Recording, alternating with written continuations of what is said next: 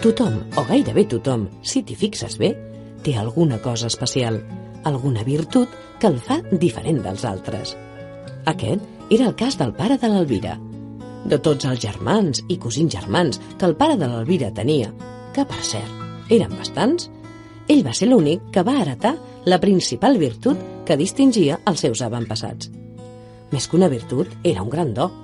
Una veu alegre, alhora que profunda i molt dolça, que encantava tot aquell qui la sentia. Si hagués volgut, el pare de l'Elvira hauria pogut ser un gran cantant d'òpera. Un tenor d'aquells que omplen el Liceu, l'Escala de Milà o l'Òpera de Sydney. Però com que el que més li agradava, en realitat, era tocar la guitarra, i encara millor si era elèctrica, va decidir cantar en un grup de rock. I ho devien fer molt bé, perquè tothom que el sentia sempre acabava ballant. Però el pare de l'Elvira no cantava només amb el grup de rock, també cantava a casa, i encara ho fa. Canta quan es dutxa, canta quan renta els plats, canta quan es fica al llit, canta sempre que pot. I segons la mare de l'Elvira, que diu que ho té molt ben observat, sempre que canta, plou. De vegades quatre gotes, d'altres un bon xàfec. El cas és que sempre plovia quan cantava.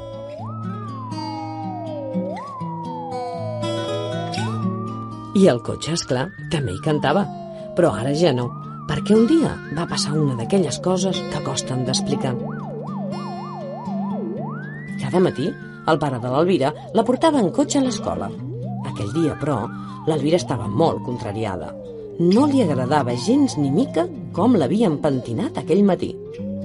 El pare, tot feliç, potser sense fer-li gaire cas, li va dir que estava molt maca i per demostrar-li la seva felicitat, com sempre, va començar a cantar. L'Elvira, que no podia amb tanta felicitat quan ella portava aquells cabells tan mal pentinats enganxats al cap, va pensar «Calla, que callis!» Volia que el pare callés d'una vegada per no sentir-lo més. I aleshores va passar el que va passar.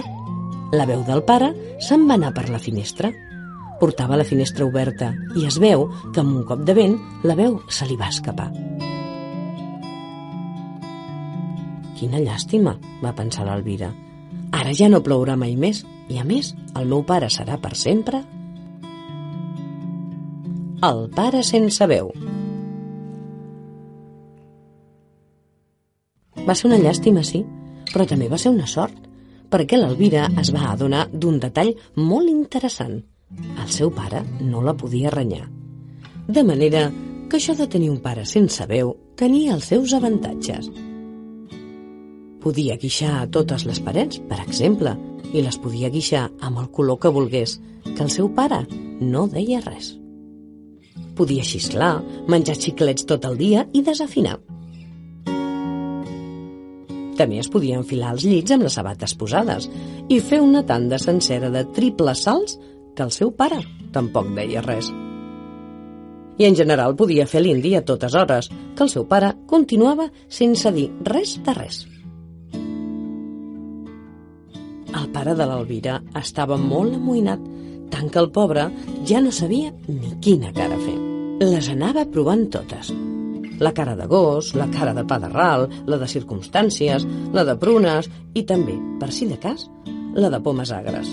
Ho va provar amb la cara de cul, que és aquella tan desagraïda i que fa tanta gràcia a tothom, però ni així no se'n sortia.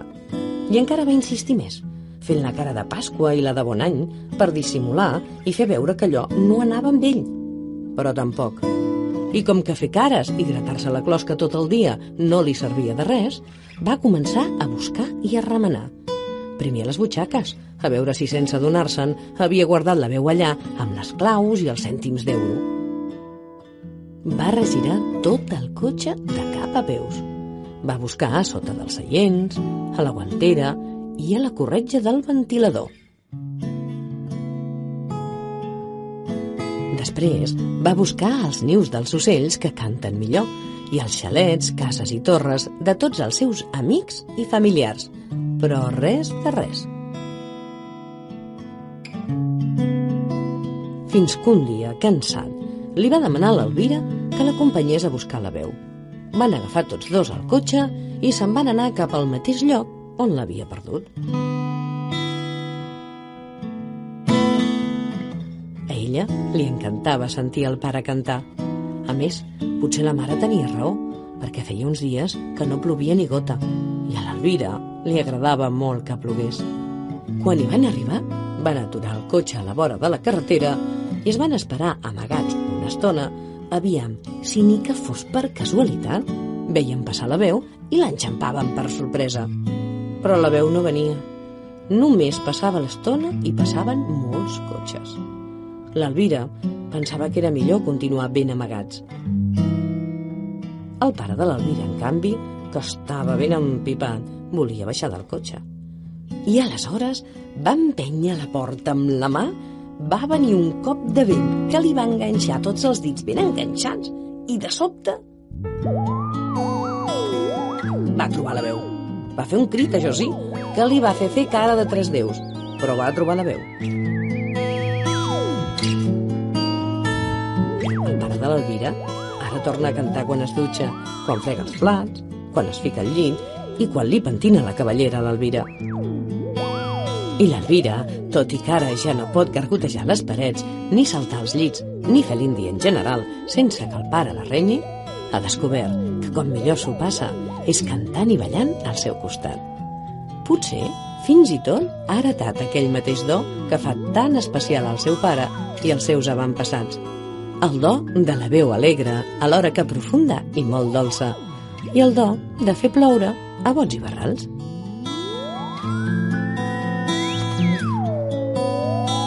Mm.